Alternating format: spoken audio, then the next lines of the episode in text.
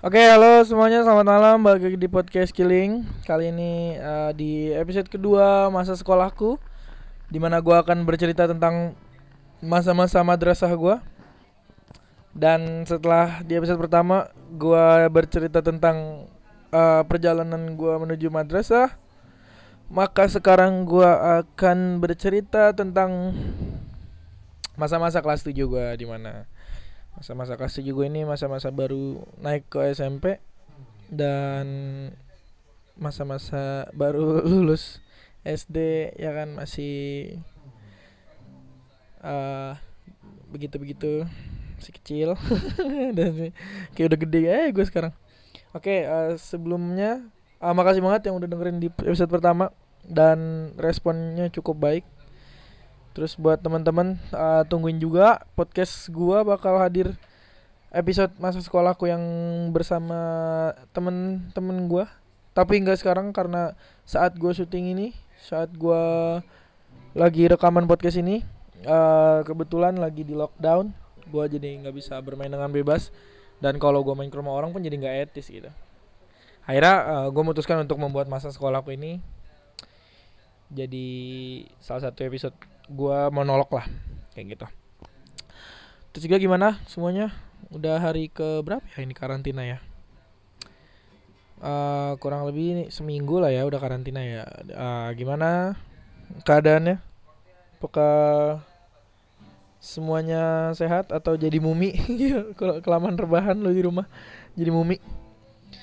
Dan menurut gua kalau saat ini lu pada lagi di lockdown pada saat uh, ada kasus corona ini ya menurut gue coba untuk menikmati rumah gitu kalau lo pengen keluar ya silakan keluar nggak ada yang larang dan gue juga gimana ya gue sempet bukan sebenarnya bukan dilarang keluar disarankan untuk di rumah kayak gitu gue sempat ngeliat beberapa video di twitter di Twitter, Facebook, Instagram ada segelintir orang yang marah-marah. Eh, lu di rumah gini gini gini gini gini. Oke.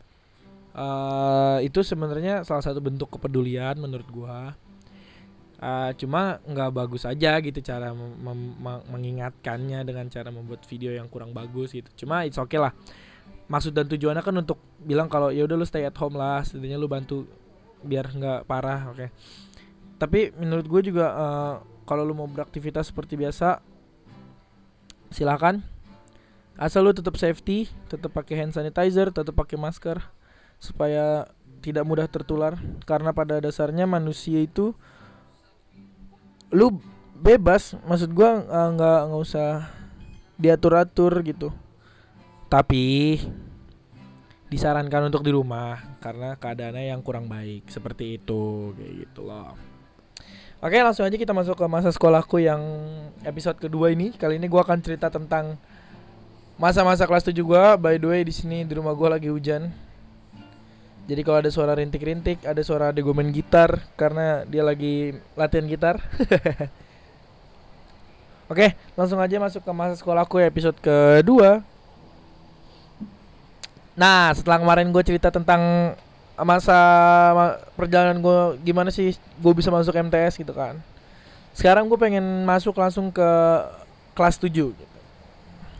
Jadi masa-masa kelas 7 gue ini bisa dibilang adalah masa-masa di mana gue beradaptasi dengan lingkungan yang baru dan dengan cara belajar gue yang baru di mana biasanya gue belajar di SD gue cuma sampai habis juhur cuma cuma sampai jam setengah dua gitu. sekarang di MTS itu gue biasa pulang sore gitu karena karena apa karena emang pelajaran MTS itu banyak dan gue pulang itu biasa jam eh, 4 jam 5 selesai selesai itulah. Terus juga uh, di sini gue mulai belajar terus gue adaptasi sama lingkungan gue yang baru lingkungan islami lingkungan yang taat beragama. Asik. Dan gue mulai kebiasa buat belajar itu kira-kira semester 2 Oke sekarang kita masuk ke semester pertama dulu. Jadi kalau di MTS ini ada namanya sistem pembagian apa ya sebenarnya? Pembagian kasta apa bukan sih? Pokoknya jadi gini loh. Di MTS itu uh, sistem belajarnya gini. Jadi ada 8 rombongan belajar. 8 rombel. Dari 71 Eh pokoknya 1, 2, 3, 4, 5, 6, 7, 8 gitu. 71, 81, 91 sampai 98 gitu. 78, 88 Nah di MTS ini ada menurut gua cukup meng mengklasifikasikan uh, murid-muridnya gitu. Contoh Di MTS itu ada semua kelas yang berakhiran satu. Contoh 71, 81, 91 mereka adalah siswa-siswa yang dikelompokkan khusus untuk pembelajaran bilingual atau uh, kalau gua nggak salah ya kalau kalau gua salah tolong dikoreksi kalau gua nggak salah. Itu tentang pokoknya intinya itu belajar agama gitu loh. Mereka dapat pelajaran tambahan agama eh eh agama bego pelajaran bahasa bilingual. Mereka mereka dapat pelajaran tambahan tentang bahasa. Contohnya yang paling gue tahu dan paling gue sering itu tentang bahasa Inggris bahasa Arab tentunya bahasa Indonesia dan ya yang yang gue tahu sih tiga itu. Cuma kalau ada lebih yang anak-anak billing bisa komen atau bisa koreksi gue nanti. Shoutout buat anak billing halo semuanya anak billing jadi sebutan untuk si 71 81 91 itu sebutannya anak billing kenapa anak billing karena kelas mereka itu namanya kelas bilingual kayak gitu nah untuk kelas yang berakhirannya dua contoh 72 82 92 Nah, mereka mereka adalah orang-orang yang kalau satu kan billing, kalau dua itu sebutannya saints. Kenapa? Karena mereka adalah orang-orang yang diberi, diberi siswa-siswa yang diberi pelajaran tambahan IPA. 72, 82, 92. Oke, jadi 71 bilingual, 72 uh, saints, mereka dapat pelajaran tambahan IPA dan 7 dan yang kelas-kelas yang berakhiran dengan 3, 73, 83, 93 mereka adalah orang-orang atau siswa-siswa yang diberi pelajaran tambahan tentang agama. Nah, mereka dinamain tahfiz, kelas tahfiz. Kayak gitu. Jadi, kalau si kelas tahfiz ini khusus buat lu yang mau memperdalam uh, Al-Qur'an gitu. Nah, selama itu kurang lebih selama baru-baru gitu sih kan kalau gua angkatan 38 atau angkatan 2018 jadi itu baru mulai ada gitu tuh pas di angkatan gua baru eh pas di angkatan atas gua satu tahun baru ada kelas tafis. Di atasnya lagi udah ada kelas sains udah ada. Nah di atasnya lagi itu baru mulai sains. Tapi kalau billing tuh udah dari 2014 2013 mungkin ya ya pokoknya segitulah. Nah tafis ini baru ada di angkatan 2017 dan di, di angkatan gua ya itu uh, ada lagi namanya itu. Ntar mak gue pulang. Gue bukain pintu dulu. Oke lanjut. Mak gue habis pulang belanja tadi. Kita lanjut. Jadi uh, di tahun gue itu ada tak satu. Tahun gue apa tahun?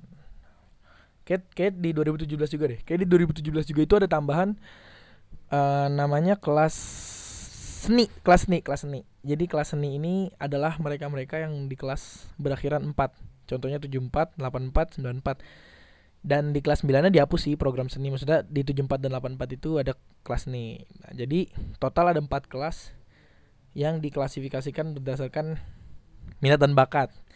Yang pertama bilingual kedua sains ketiga tafis dan keempat itu adalah seni. Kayak gitu. Jadi sebelum memulai KBM uh, ada beberapa anak yang diseleksi berdasarkan minat dan bakat. Contohnya kayak uh, kamu memilih kelas apa? Kamu memilih kelas apa? Kayak gitu. Nah sisanya tuh apa gitu? Sisanya itu jadi kelas rombongan belajar 5 sampai 8 itu adalah kelas reguler. Jadi mereka-mereka yang kelasnya biasa gitu yang dapat pembelajarannya biasa aja nggak ada pelajaran tambahan. Nah kalau lu pada bertanya bedanya kelas khusus sama oh ya mereka-mereka yang ada sebutan-sebutan gitu dari 1 sampai 4 itu mereka adalah sebutannya kelas khusus khusus billing, khusus sains, khusus stafis, khusus seni gitu. Nah, buat lo yang nanya, bedanya apa sih kelas khusus sama kelas reguler gitu kan? Bedanya itu gini loh. Uh, contoh si billing. Kelas billing ini ketika mereka uh, sebelum gua study tour eh kelas 1 kelas satu kelas 2 ya? Lupa gue pokoknya si kelas billing ini ada program gitu kayak mereka nginep satu bulan di kampung Inggris di Pare di Kediri. Nah itu salah satu program dari kelas billing jadi pokoknya si kelas billing ini punya program tambahan kayak pergi ke Ed Amerika ada Olimpiade billing juga gitu jadi mereka mereka yang kelas billing itu dapat program tambahan gitulah mengenai uh, bilingual. Makanya nggak nggak heran sih kalau mereka jago-jago gitu bahasa Inggrisnya atau bahasa Arabnya. Bahasa Arab dikit sih yang jago cuma bahasa Inggris banyak sih. Nah kalau kelas Sains mereka itu ujian kenaikannya kalau nggak salah ya di akhir kelas 9 itu mereka nanti ada karya tulis ilmiah.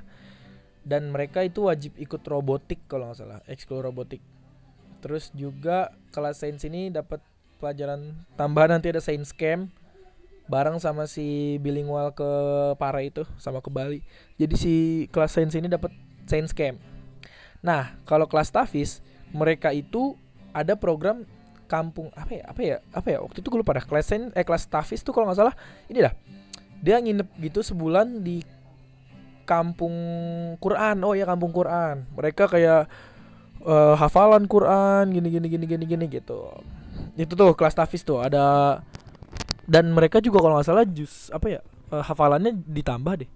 Terus mereka juga sering ini tiap Jumat malam apa malam Jumat ya? Jumat malam tiap Jumat malam mereka uh, ke sekolah sorenya nih sore Jumat sore mereka ke sekolah terus mereka pada anuan sholat tahajud Iya, jadi mereka kayak gitu lah tambahan-tambahannya. Nah, terus kelas seni. Nah, kalau kelas seni ini mereka di jalan-jalan ke Bandung waktu itu ke Saung Mang Ujo beli alat-alat arumba, angklung gitu. Pokoknya belajar-belajar tentang alat musik lah, sama seni-seni. Nah, terus yang ngebedain kelas sama kelas reguler yang regu, reguler yang reguler yang pertama itu tadi. Yang kedua, ketika hari Jumat, jadi kalau hari Jumat itu gue pulang jam 3 kalau gue pulang jam berapa ya MTS ya hari Jumat ya jam 2 apa ya? ah gue lupa lagi pokoknya pokoknya setiap abis pulang sekolah itu anak billing Saint sama Tahfiz itu mereka punya pelajaran tambahan jadi pada tahun gue ya pada angkatan gue waktu itu mereka punya pelajaran tambahan tiap hari Jumat pulang sekolah mereka baru boleh pulang itu setelah pelajaran tambahan. Kalau sains belajar tentang IPA kalau bilingual belajar tentang agama kalau Tafis belajar tentang Al-Quran. Nah cuma emang seni doang nggak ada gitu. Oke jadi itu yang ngebedain kelas khusus sama kelas reguler Nah itu yang terjadi di MTS Di MTS itu ada yang sistem-sistem kelas-kelas gitulah. Nah lanjut. Jadi waktu itu gue gua adalah seorang yang uh, berada di kelas reguler. Gue ada di kelas 75 waktu itu awal-awal. Gue ada di kelas reguler dan gue adalah orang-orang yang tidak tidak tidak tidak. Pokoknya kalau orang-orang kelas khusus itu kayak berkasta gitu coy. Jadi kalau kelas khusus itu orang-orang yang kaya gitu kan. Maksudnya yang ada lah gitu. Nah kalau kelas reguler tuh bagian-bagian ikut-ikut aja gitu, gitu kan. Soal apa gitu kalau menurut gue ya kastanya itu kalau dibandingin itu si billing ini paling pertama karena apa kelas-kelas paling sibuk gitu. Pokoknya kayak gitulah. Uh, nah yang uniknya juga tuh si kelas billing itu jarang banget ada cowoknya. Pas angkatan gue aja itu kelas billing itu cowoknya cuma empat dan for information aja mereka itu sekelas selama tiga tahun jadi dari 71, 81, 91 gak ganti-ganti tuh classmate-nya. Cuma itu itu doang. Kalau kelas reguler ini berubah-ubah. Itu, itu tuh juga yang ngebedain tadi tuh kelas khusus sama kelas reguler. Ada tiga. Yang pertama programnya yang kedua ada pelajaran tambahan yang ketiga mereka kelasnya sama terus. Jadi dari kelas 1 sampai kelas 3 mereka sama terus kecuali ada yang pindah. Bisa pindah kelas bisa pindah kelas. Oke waktu itu gue ada di kelas 75 sama teman-teman gue waktu itu nama wali kelas gue Bu Anis. Halo assalamualaikum Bu Anis. Kalau kalau ibu dengerin. Jadi di kelas 7 itu awal mula gue uh, masuk eh mengenal dunia MTS itu di kelas 7 jadi waktu itu gue dapet wali kelas namanya Bu Anis. Dia adalah seorang guru akidah akhlak. Nah gue ini sebenarnya cukup cukup kaget ya kalau di MTS itu kan satu satu mata pelajaran diajar sama satu guru gitu kan nah kalau di SD gue kan wali kelas tuh bisa ngajar berapa gitu nah kalau di MTS tuh guru gue banyak banget jadi ada yang ngajar kalau di MTS kan ada akidah ada mata pelajaran agama ya ada akidah akhlak fikih Al-Quran hadis uh, tahfiz sejarah kebudayaan Islam bahasa Arab. Nah, jadi guru-guru itu tuh banyak tuh. Waktu itu guru wali kelas pertama gua adalah Bu Anis, Bu Anis Indrianti gitu. Dia ngajar akidah akhlak. Nah, kalau di MTS, kalau uh, gua kelas 7, gua kan baru tahu kenal MTS gitu ya. gue masih pakai peci gitu. jadi waktu itu gue dapat peci gue masih pakai peci. Dan gue masih sholat sholat abis azan langsung turun karena teman-teman gue emang pada masih masih pada taat gitu kan. Terus masih pada taat ya masih taat sih. Taat, yang sampai sampai ya, kelas 3 juga taat. Cuma maksudnya yang disiplin banget gitu loh. Jadi kan kalau kelas 7 itu kelas 7 reguler ya 75 sampai 78 eh 78 beda sendiri gedungnya. Kalau 75 sampai 77 itu kelasnya ada di lantai 3 jadi kalau MTS itu ada tiga lantai. Nah kelas 7 itu ada di lantai 3 nah jadi dari lantai 3 itu kalau lu mau lu mau ke masjid lu ngelewatin kelas 8 lu ngelewatin kelas 9 lu ngelewatin ruang guru baru nanti lu masuk ke masjid. Jadi ada cerita unik. Kelas 8 ini angkatan 2017 gua dia dia tuh punya ini apa? Regu gitu satu regu gitu ya kan satu regu. Mereka tuh suka di koridor tangga gitu loh. Nah jadi kalau gue mau lewat gitu set harus rame-rame gitu. Jadi kalau sendirian gitu digodain gitu lah sama angkatan atas gue set jadi waktu waktu gue awal kelas gitu tuh gue diem lewat koridor nunduk kalau gue sendiri. Nah waktu itu kelas 7 gue kayak gitu awal-awal. Sampai akhirnya gue nemu satu orang temen gue kelas 7 namanya Mohek ya kan? Namanya Haikal. Halo Mohek catat buat Mohek. Jadi waktu itu gue sekelas sama Mohek dia dia kebetulan sebangku sama gue si Mohek dan waktu itu gue berdua mulut sama dia. Sampai akhirnya gue ikut pas kibra bareng sama dia gini-gini bareng gitu kan. Nah jadi kalau di MTS itu waktu lo kelas 7 waktu gue kelas 7 itu masih ada yang namanya program uh, memorizing di mana gue setiap pagi hari Kamis itu gue nyetor kosakata bahasa Inggris gitu ke anak bilingual. Kayak gitu. Jadi anak bilingual gue sebagai mentor dan gue adalah orang yang nyetor kosakata gitu. Nanti hari Rabu itu kalau nggak salah itu tahfiz gue nyetor beberapa ayat gitu kan. Nah kalau hari Selasa nggak ada.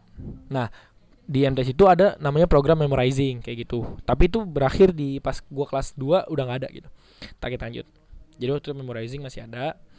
Nah lanjut itu ketika gue kelas 7 gua kalau gue hari Senin kelas 7 itu gue upacara nih. Nah upacaranya itu di kan masih tiga angkatan ya kalau kelas kalau di MTS itu upacara cowok-cowok cewek-cewek gitu. Jadi untuk ukti-ukti aki-aki gitu. Jadi yang ada cowok di sebelah kanan cowok kelas 7 sebelah eh cowok kelas 9 ke sebelah kan sebelah eh cewek sebelah kanan pojok terus disambung cowok cowoknya kelas 9 terus cewek kelas 8 pojok eh di tengah terus cowok kelas 8 terus cewek kelas 7 nah cowok kelas 7 nya itu barisnya ada di uh, ngar misalnya salah uh, cowok pokoknya cowok kelas 7 beda sendiri ya jadi cowok cewek kelas 7 sampai cewek kelas 9 itu barisnya ngadep ke mimbar apa ngadep ke uh, pembina upacara nah kalau cowok kelas 7 itu nyampingin jadi posisinya kayak lu tau nggak kalau padus-padus di SMA. Nah, posisi kelas 7 tuh kayak gitu. Kelas 7 cowok. Ya kan? Waktu itu pada pakai peci semua tuh pecinya bagus-bagus banget ya kan. Kalau lu pada masih inget pecinya. Nah, lanjut itu ketika Senin pagi MTS ini kan pakai rompi. Jadi kadang kalau jadi yang membedakan antara lu masih lu udah keren atau enggak di MTS itu ketika Senin patokannya adalah ketika kalau lu udah berani ngebuka rompi lu jadi kalau kelas 7 pada waktu baru-baru masuk mah pada pakai ini kan rompinya pada dimasukin eh rompinya pada dikancingin tapi kalau udah kelas 9 atau kelas 8 tuh rompi-rompi abang kelas gue tuh udah pada nggak dipakai nggak dipakein kancing gitu. Maksud gue nggak dikancingin nggak dicatupin. Nah itu tuh yang menandakan kalau lu tuh udah keren gitu dia. Kalau di tes kadar patokannya gitu gitu kan. Oke lanjut. Nah di hari selasa ini ada jadwal tahfiz teman-teman. Jadi kalau di MTS itu gue jelasin kalau di MTS itu lu lulus MTS lu bisa hafal jus 29 ya walaupun gue enggak sekarang. Lupa lupa pokoknya nih dari kelas 7 sampai kelas 9 lu hafal jus 29 gitu kan. Oke kelas 7 itu uh, dibagi dua semester ada empat surat. Dua surat dua surat semester 1 semester 2 semester 1 itu suratnya al muluk sama al nun wal kolamil al kolam itu gue lupa lagi. Al muluk sama al kolam jadi ada semester satu itu dua. Nah jadi kalau di MTS itu program tahfiz wajib nih. Kalau lu nggak hafal tahfiz kalau lu nggak tuntas tafis katanya lu nggak bisa naik kelas katanya. Tapi temen gue ada kok yang nggak tuntas naik naik aja gitu kan. Cuma emang ada yang nggak naik sih gitu. Uh, jadi setiap hari Selasa itu buat kelas 7 hafalan tafis di kelas sama guru. Kelas 8 hari Rabu. Kelas 9 hari Kamis. Tiap pagi tuh tafis nyetor minimal 5 ayat. Dan kita dikasih buku gitu buku mentoring. Hari ini eh minggu ini nyetor ini. Oke bu gitu kan kalau lu nggak maju lu numpuk. Besoknya harus 10 ayat. Lu nggak maju 15 lu nggak maju nggak maju nggak maju. Akhirnya numpuk sampai satu surat. Nah waktu itu karena gue sangat taat dan patuh kelas 7 gue tuntas tuh al muluk tepat pada waktunya. Waktu itu kalau nggak salah mentor gue tuh Pak Izi dah. Dan Pak Izi bakal gue ceritain nanti dia gimana orangnya di segmen guru sama si sama si sama temen gue oke. Lanjut. Waktu itu gue nyetor kelas 1 tuh gue rajin banget. Akhirnya gue tuntas ke al muluk tabarokalazi gitu kan gue masih inget. Terus habis itu surat kedua al kolam store tiap hari selasa. Al kolam ini gue rada-rada kan pendek-pendek ya. Nun wal kolam imam ya surun mantap ini mati robika kan pendek-pendek gitu ya. Gue ngapalinnya rada-rada males nih. Maksud gue rada-rada ah udah gampang lah orang pendek-pendek aja gitu kan. Akhirnya gue nggak ngapal-ngapalin gue numpuk main 20 ayat 30 ayat. Udah tuh. Set numpuk 30 ayat. Nggak gue setor-setor lama-lama gue keteteran sendiri nih pas yang lain teman-teman gue udah kelar gitu kan dapat A dapat A. Wah anjir gue belum dapat lagi gitu kan. Set wah gimana nih gitu kan. Akhirnya waktu itu yang belum selesai itu guru gue ngasih mentor sebaya tutor sebaya. Jadi kalau di MTC itu teman-teman kasta tertinggi adalah mereka atau kasta yang dipandang itu adalah jadi ada ini ada stratifikasi sosialnya. Jadi kalau kasta yang tertinggi kasta yang dipandang di MTS itu adalah mereka-mereka yang lolos dari min 8 jadi kalau lu anak min 8 lu masuk MTS 4 udah lu auto. Jadi tutor sebaya jadi yang jago bahasa Arab gitulah. Pokoknya kalau anak kalau anak min 8 ketika lo masuk MTS 4 lu tuh bakal ada di atas gitu stratifikasi sosial. Lu adalah murid yang paling dipandang gitu. Karena emang ya gitu emang rata-rata dari situ masuknya ke MTS 4 gitu karena gue dari SD waktu itu tutor sebaya gue kebetulan cewek nih namanya Nida gitu kan. Dia jadi tutor sebaya gue nah, gue disuruh nyetor lah tuh sama guru gue sama Bu Anis. Ya yang belum selesai surat al-qalam silakan nyetor ke tutor sebaya. Tutor sebaya ada dua ada Nida satu lagi gue lupa tuh siapa pokoknya Nida ada absen bawah ke Nida oke bu gitu kan. Gue nyetor tuh ke Nida. Tapi Nida gue Nida gue gue dak dak. Kan waktu itu gue kalau nggak salah al tuh kurang lima ayat lagi apa 10 ayat lagi gitu. Dak gue hafalin di rumah dah tapi ini sekarang nih biar gue dapet nilai lalu ini dulu dah, dah apa bilang tuntas dah gue gitu. Itu waktu itu gue kurang lima ayat lagi tuh posisi gue gue gue gue gue janji dah gue hafalin di rumah gitu. Nah, akhirnya dia bilang ya udah iya tapi lo hafalin di rumah. Ya oke. Itu kelas tujuh tuh. Bener gue hafalin di rumah gue hafal. Di setor dapat gue gue dapat lah gue nilai B. Akhirnya semester satu tuntas tuntas tuh surat dua gue gitu itu sistem tahfiz yang ada di MTS ketika gue kelas 7 nah ngomongin soal kelas 7 waktu itu uh, belum kalau kelas 7 itu belum ada kelas unggulan. Jadi kelas unggulan ini apa? Kelas unggulan ini adalah kelas reguler yang pinter-pinternya diambil dijadiin satu di kelas unggulan. Itu bakal terjadi di kelas 8 nanti. Gue ceritainnya di posisi gue kelas 8 nah di kelas 7 itu gue orang yang kaget banget sama namanya aktivitas di mana SD gue cuma main di lapangan gue pulang lapangan apa bola di SD gue lapangan bola di, di rumah gue gue pulang gitu kan. Nah ketika di MTS ini gue bener-bener waktu gue keiket banget gitu gimana gue datang datang pagi pulang sore banget. Gue nggak bisa main tuh. Akhirnya dari situ gue mulai punya temen anak-anak MTS jadi teman-teman gue tuh udah bukan teman rumah lagi gitu. Gue udah mulai kayak anjir gue udah gak pernah main sama anak teman-teman teman-teman teman-teman rumah gue gitu. Akhirnya dari situlah gue mulai banyak beraktivitas di MTS nah gue adalah salah satu orang yang bocahnya itu kayak gimana ya? Gue pengen ngikutin semuanya gitu loh. Contoh waktu itu gue ketika kelas 7 disodorin kertas buat ekskul itu yang gue isi. Jadi kalau di MTS ini uh, setiap hari Selasanya kan tadi habis. Nah setiap hari Rabu itu ada namanya ekskul wajib.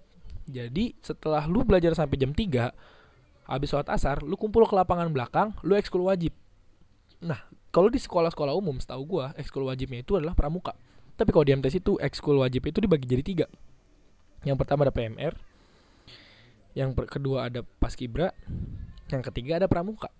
Nah nanti di di masing-masing ekskul ini lu milih satu tes gitu kan. Oke waktu itu gue milihnya paskibra. Contreng paskibra set.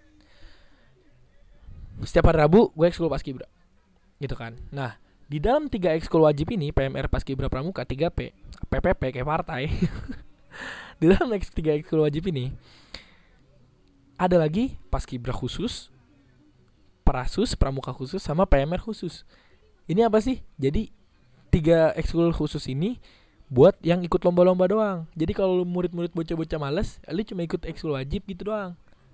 Nah, biasanya bocah-bocah males itu ekskul wajibnya PMR. Itu kan karena bisa cabut-cabutan kalau PMR. Kalau pramuka pas kibra, kalau pramuka masih bisa cabut-cabutan. Cuma kalau pas kibra itu karena gue salah sih, karena gue salah kayak temen sama Mohek dah. Jadi gue ikut pas kibra tuh. Kelas 7. Nah, gue selain ikut pas kibra, gue ikut banyak banget uh, kegiatan gue ikut futsal juga gue ikut hadroh juga marawis ikut paskibra juga waktu itu gue sempet uh, selama kelas 7 gitu kan sama gue ikut apa lagi ya? Gue uh, ikut oh ya waktu itu gue ikut lomba uh, bahasa Inggris gue ikut lomba storytelling juga gitu kan. Uh, terus gue ikut apa lagi ya? DMTS ya kelas 7 gue ya pokoknya gue ikut uh, banyak kegiatan lah. Karena gue bocahnya bocah kegiatan banget tuh waktu itu. Akhirnya gue sadar tuh di situ anjir kan. Selama gue pas kibra gue pas kibra gue pas kibra gue pas kibra waktu itu gue sampai jadi ketua pas kibra kelas 7 jadi waktu itu buat jabatan itu lu baru dapat ketika kelas 8 tapi di kelas 7 calon-calon kandidatnya gue tuh gue gitu lah sama waktu itu kandidatnya gue nah tapi gue gak nyaman di pas kibra gue gak nyaman ya kan akhirnya di pas kibra gue keluar setelah pelantikan gitu. Jadi kalau pelantikan itu kalau di SMA tuh namanya regen. Kalau di SMA gue namanya regen gitu. Pelantikan tuh. Gue gue gak nyaman gue keluar. Tuh kan gue keluar tapi dengan cara gue nggak latihan nggak latihan. Akhirnya gue keluar dengan sendirinya tuh. Nah kelas 7 itu gue wajib banget ekskul. Ekskul wajib pas kibra gue gue keluar tuh. Gue keluar pas kibra. Gue masih ikut futsal.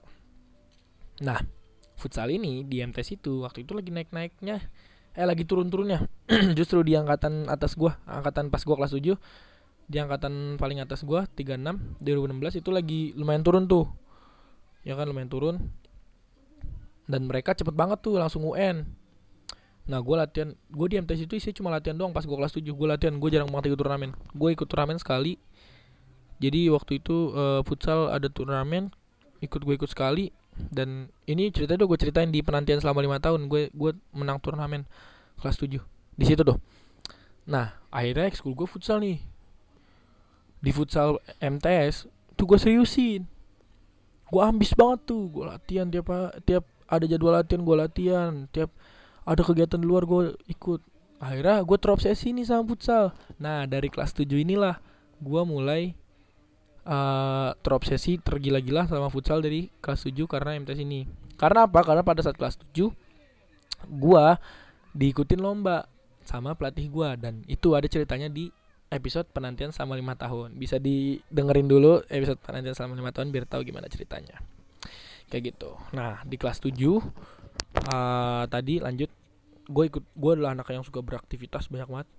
Nah, waktu itu gue uh, pasti banyak yang mikir kayak gue itu salah satu kandidat anak osis nih gitu kan oke waktu itu ikutlah gue osis gue ikut daftar osis kayak biasa dia mingi-mingi gitu kan. Ya ayo masuk osis masuk osis gitu. Sama, sama kakak kelas gue yang angkatan 2016 ayo masuk osis eh lu masuk osis ya gini gini gini gini gini gitu kan.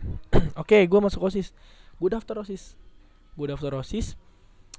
Waktu itu osis uh, seleksinya gitu belum bentrokan sama futsal belum belum. Jadi waktu itu gue masih anak-anak futsal masih pada dukung tuh. Maksudnya masih pada udah ikut aja nggak apa-apa gitu kan tapi paling jadi budak sekolah gitu kan kan omongan-omongan yang iri kan kayak gitu ya. Terus akhirnya gue ikut seleksi satu seleksi satu itu tes tulis. Tes tulis itu gue masih ikut tuh. Tes tulis eh sorry seleksi pertama itu seleksi berkas seleksi nem. Ya nem gue masuk tuh 26 terus tes kedua itu seleksi tulis. Seleksi tulis gue masih ikut. Nah, seleksi ketiga itu adalah seleksi wawancara. Nah, pas seleksi wawancara ini, gue bentrokan sama latihan futsal. Akhirnya setan-setan futsal pada ngomong udah bego gak usah ngapain sih lu osis? Gitu kan. Ya elah lu osis jadi budak sekolah doang. Bla bla bla bla bla. Akhirnya gue wah bener juga kalau gue dipikir-pikir gitu kan. Akhirnya gue latihan futsal lah tuh. Yang lain pada seleksi wawancara gue ikut baris tuh wawancara. Tapi pas dituntut buat naik eh dituntun buat naik ke atas gue belok tuh ke arah koridor. Ke arah lawangan futsal gue belok. Gue latihan futsal. Terus ditanya nih eh kok kamu sama kakak kelas gue yang uh, 2016 eh kok kamu nggak ikut seleksi osis gitu kan? Kenapa? Aku nggak ikut wawancara. Gue panik kan gue jawab eh, iya kak saya uh, ini saya latihan futsal gitu kan. Oh kamu latihan futsal? Ya udah besok ikut ya uh, apa namanya anuan susulan kamu ikut susulan ya.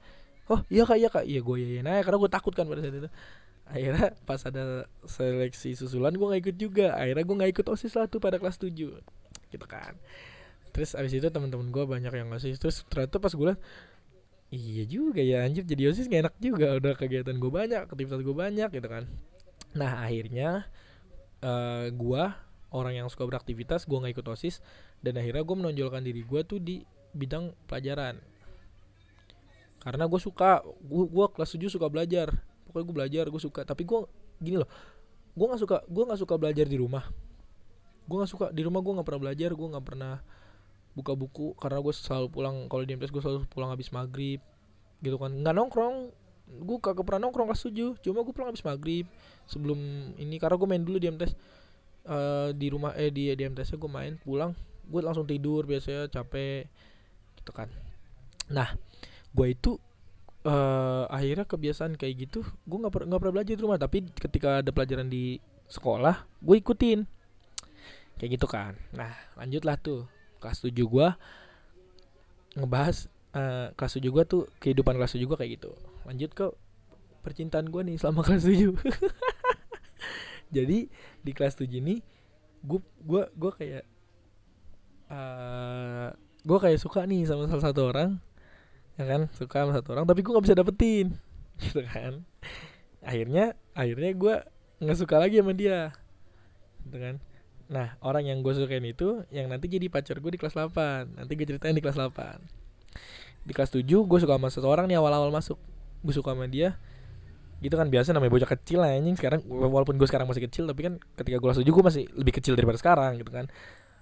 Jadi nggak apa-apa dong gue nyebut itu kelas apa gue bocah kecil gitu. Pada saat masih bocah kecil gitu ngeliat cewek wih cantik tuh gitu. Terus gue suka sama dia tapi ternyata dia udah punya pacar dia udah punya pacar tuh ya udah akhirnya gue gue ya udah nggak usah gitu kan. Gue suka sama orang lain tuh akhirnya nggak lama gitu kan.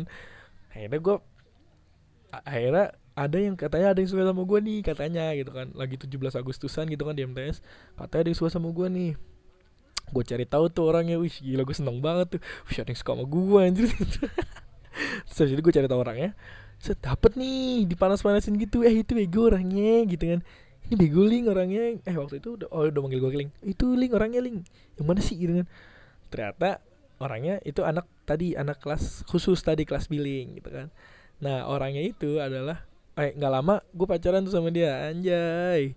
Gue pacaran sama dia selama dua bulan gue pacaran tuh. Nah yang pacaran pertama kali gue diam di sini adalah orangnya yang sekarang sekelas sama gue di SMA jadi si mantan gue yang kelas 7 ini yang pertama kali gue pacaran di FTS ini orangnya itu uh, sekelas lagi sama gue di SMA sekarang.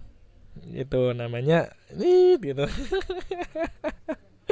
Nah terus abis dari itu gue putus gue pacaran sama kakak kelas tuh. Skip pacaran kakak kelas bentar doang juga ya gimana sih anjir gue gak ngerti apa-apa gitu emang jiwa-jiwa kagak jelas aja pacaran-pacaran sosokan gitu muka ganteng kagak anjing. Terus nah di akhir-akhir kelas 7 eh sama yang ini kayaknya oh enggak deh itu kelas 8 itu kelas 8 nah jadi kisah cinta gue di MTS kayak gitu pas kelas 7 awal gue suka sama seorang eh ternyata dia punya pacar terus ada yang suka sama gue jadian tuh gue jadian putus. Gue jadi lagi ke kelas terus putus lagi gitu itu kisah cinta gue selama di kelas 7 uh, terus apalagi hal menarik. Oh iya di kelas 7 gue pernah gue pernah. Jadi lagi hafalan tafis nih. Mungkin teman-teman gue yang kelas 7 inget kali ya kayak Disat. Jadi waktu itu gue lagi iseng-isengnya main plastik perapatan. Jadi kalau gue bawa bekal nih gue bawa bekal biasanya gue bawa plastik terus tuh. Plastik kiloan tau nggak perapatan nah itu gue panjangin gue tiup gitu kan. Nanti keisi tuh jadi kayak balon gitu. Nah itu posisinya lagi pelajaran tahfiz nih. Lagi pelajaran tahfiz set. Lagi pada nyetor. Gue di belakang nih. Guru guru gue lagi sibuk innal semua gitu kan lagi pada ngaji. Tiba-tiba gue itu tiba-tiba ke apa ke gunting tuh balon. Dar gitu kan meledak tuh set terus gue nahan tawa. Gitu kan. Terus guru gue teriak eh Febrial sini mercon ya gitu gue gue kaget ah mercon apaan bu? Gitu kan. Terus itu kamu tadi mainan mercon kan? Gitu. Enggak bu enggak ini plastik bu. Gitu. terus gue panik kan di situ. Akhirnya enggak bu bu enggak bu enggak ini plastik bu. Gitu. Terus teman-teman gue pada nantawa setelah guru gue udah jangan mainan mercon di kelas dia masih ke itu mercon. Akhirnya dia mainan mercon tuh di kelas gitu kan. Iya bu iya bu ini bukan mercon bu plastik gitu kan. Habis habis dari situ gue langsung nantawa langsung wah. Gue dikira mainan mercon nih mana ngomongin lucu lagi. Mana merconnya gitu kayak medok gitu gue gak bisa medok sih anjir.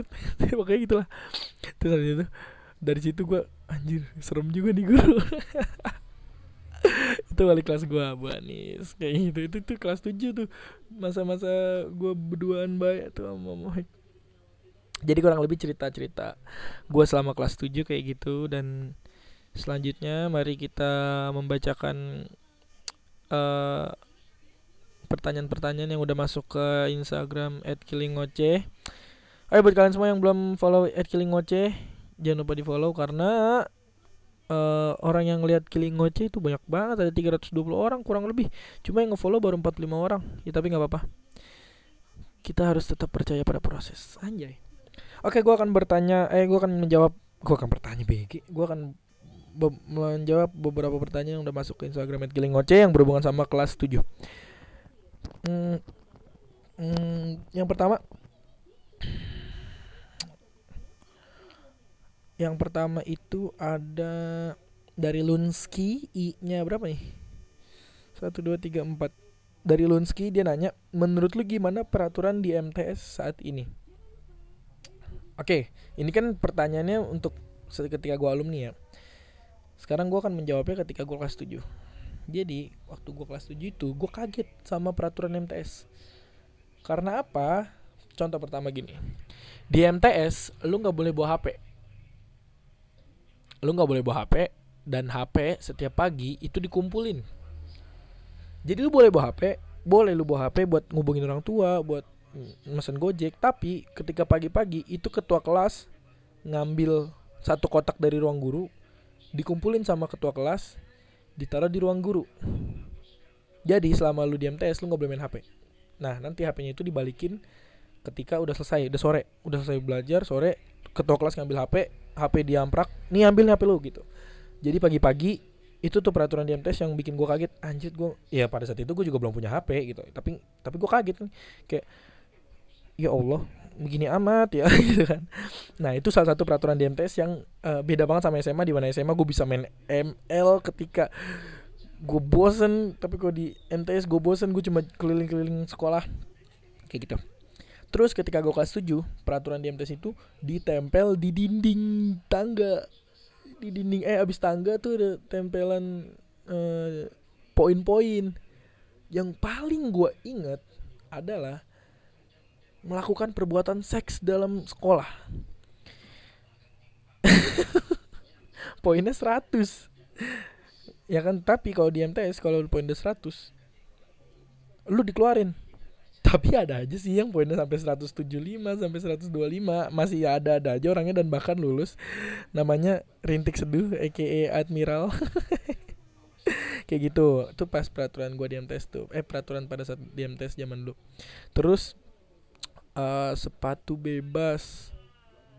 Sepatu bebas? Oh enggak. Waktu itu gue dikasih sepatu sama MTS jadi gue beli sepatu di MTS sepatunya power. Terus selalu gue pakai tuh. Gue taat peraturan tuh. Sepatu harus hitam.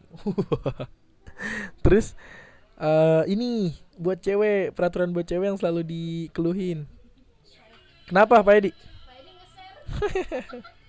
Rame-rame ya? Iya, emak gua grup WA hoax. Biarin. Oke, lanjut. Nah, kalau untuk cewek-cewek peraturan yang paling gue inget itu apa? Pertama, pakai legging. Terus kedua, pakai ciput. Kalau lu nggak pakai ciput pada saat jam pelajaran BK udah auto dijulitin itu bu gitu kan kamu kan disuruh pakai ciput nah gitu tuh cewek-cewek langsung pada ngadain kerudungnya gitu langsung pada. Tuh gue inget banget tuh di MTS tuh kayak gitu tuh peraturan-peraturan itu. Kalau di SMA mah kerudung mau bengkok mau lemes mau jipon terserah anjir. Kalau di MTS tuh pakai ciput setiap ada pelajaran BK tuh gue inget banget tuh cewek-cewek tuh. Terus peraturan di MTS yang selanjutnya uh, keterlambatan. Ah enggak ini kalau keterlambatan gue bisa nyogok satpam nggak nggak bercanda bercanda bercanda.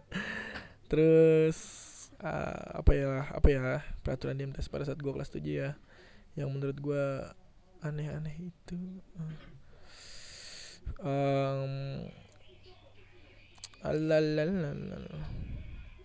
nggak ada lagi. Udah yang gue inget sih segitu doang. Terus kalau menurut gue peraturan di MTS yang sekarang itu gimana?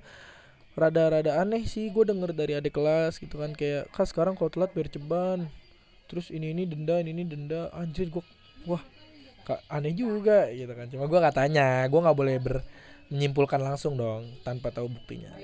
Itu menurut gue peraturan MTS pada saat gue ya yang gue jawab itu pada saat gue terus lanjut dari uh, Udep Bieber. Abbas menurut lu hahaha. Oke jadi di MTS itu anak-anak bandel itu namanya dulu basis anjay. Kalau anak-anak bandel tuh segerombol anak bandel namanya basis. Nah kata atas gue tuh punya basis namanya Tisol anjir. Terus kalau di angkatan gue itu nggak ada basis cowok adanya basis cewek. Nah mereka mengklaim diri mereka itu adalah sebagai abas. Abas artinya anak basis gitu. Yang isinya adalah geng-gengnya Citra, Udep, Molly, Levi, Dinda, Dear, siapa lagi? Uh, aduh Citra, uh, Fadia. pokoknya pokoknya mereka mereka lah. Nah mereka meng, oh Dira Dira Dira Dea Dea Putri Fabian Gani Avandi ya kan mereka mengklaim diri mereka adalah sebagai abas, aka anak basis. Nah, dulu mereka itu pada kelas 7 itu pada saat kelas 7 itu salah satu musuh gua, men. Kenapa? Karena mereka itu um, banyak banget yang beda pendapat gitu sama gua. Karena nggak tahu nggak ngerti juga sih. Pokoknya dulu gua berantem muda sama Citra, tuh gua berantem muda sama sama sama DR, tuh gua sering berantem tuh. Kayak di grup angkatan main adu bacot gitu sama Iya gitulah. Terus menurut gua gua uh, menurut gua Abbas itu uh, gimana ya kadang-kadang gue kesel juga sih waktu pada waktu pas gue di MTS ya gue kesel banget tuh sama Abbas kira anjir nih bocah-bocah ngapa sih gini begini laganya gitu kan gue paling gak demen tuh sama Abbas dulu deh dan akhirnya ya udah uh, ya udah karena kalau nggak ada masa-masa itu juga nggak seru juga sih kayak gitu Abbas menurut gua gimana? Ah, nanti gua bahas lagi ya di kelas 8 kelas 9. di kelas 7 karena belum ada kan lu pada belum ada kan. Uh, lanjut dari Little Aphrodite ini pertanyaannya bisa jadi tiga episode? Yang pertama yang paling gak bisa dilupain dari kelas 7 itu gua bener-bener baru tahu kehidupan MTS dan gua baru gua dan gue bersyukur sekolah di MTS pada saat itu ya pada saat gua kelas 7 gue bersyukur banget. Uh, jadi gua banyak hal yang gak bisa gue lupain. Yang pertama itu gua kelas 7 itu di mana gua berhasil juara futsal sama angkatan kelas 8 gua dan gua ngalahin banyak banget sekolah itu di Avi Cup di Avi Cup gua ngalahin sekolah yang favorit dan gue bisa juara itu tuh hal yang gak bisa gue lupain dari kelas 7 gue kayak gitu. Oke. Okay. gue rasa itu aja kehidupan gue di kelas 7 terima kasih udah dengerin gue ngomong selama satu episode ini dan kalau kalian suka sama episode ini jangan lupa di follow Spotify gua. Dan kalau kalian semua pengen tahu kehidupan gue gimana jangan lupa follow at Rizkan dan jangan lupa follow at Killing Ngoceh karena gue di sana ketika gue pengen update sesuatu atau gue pengen ngerekam sesuatu gue bakal nanya-nanya di Instagram at Killing Ngoceh. Dan jangan lupa follow Twitter Killing Ngoceh at Killing Ngoceh juga. Jangan lupa semuanya kalau kalian suka kalian bisa kritik dan saran kirim-kirim di gmail at killingoce.gmail eh sorry at eh killingoce at gmail.com gitu kalau mau kalian kritik, kirim kritik saran juga bebas gitu. Oke makasih semuanya dan see you bro di masa sekolahku yang episode ketiga. Dadah see you bro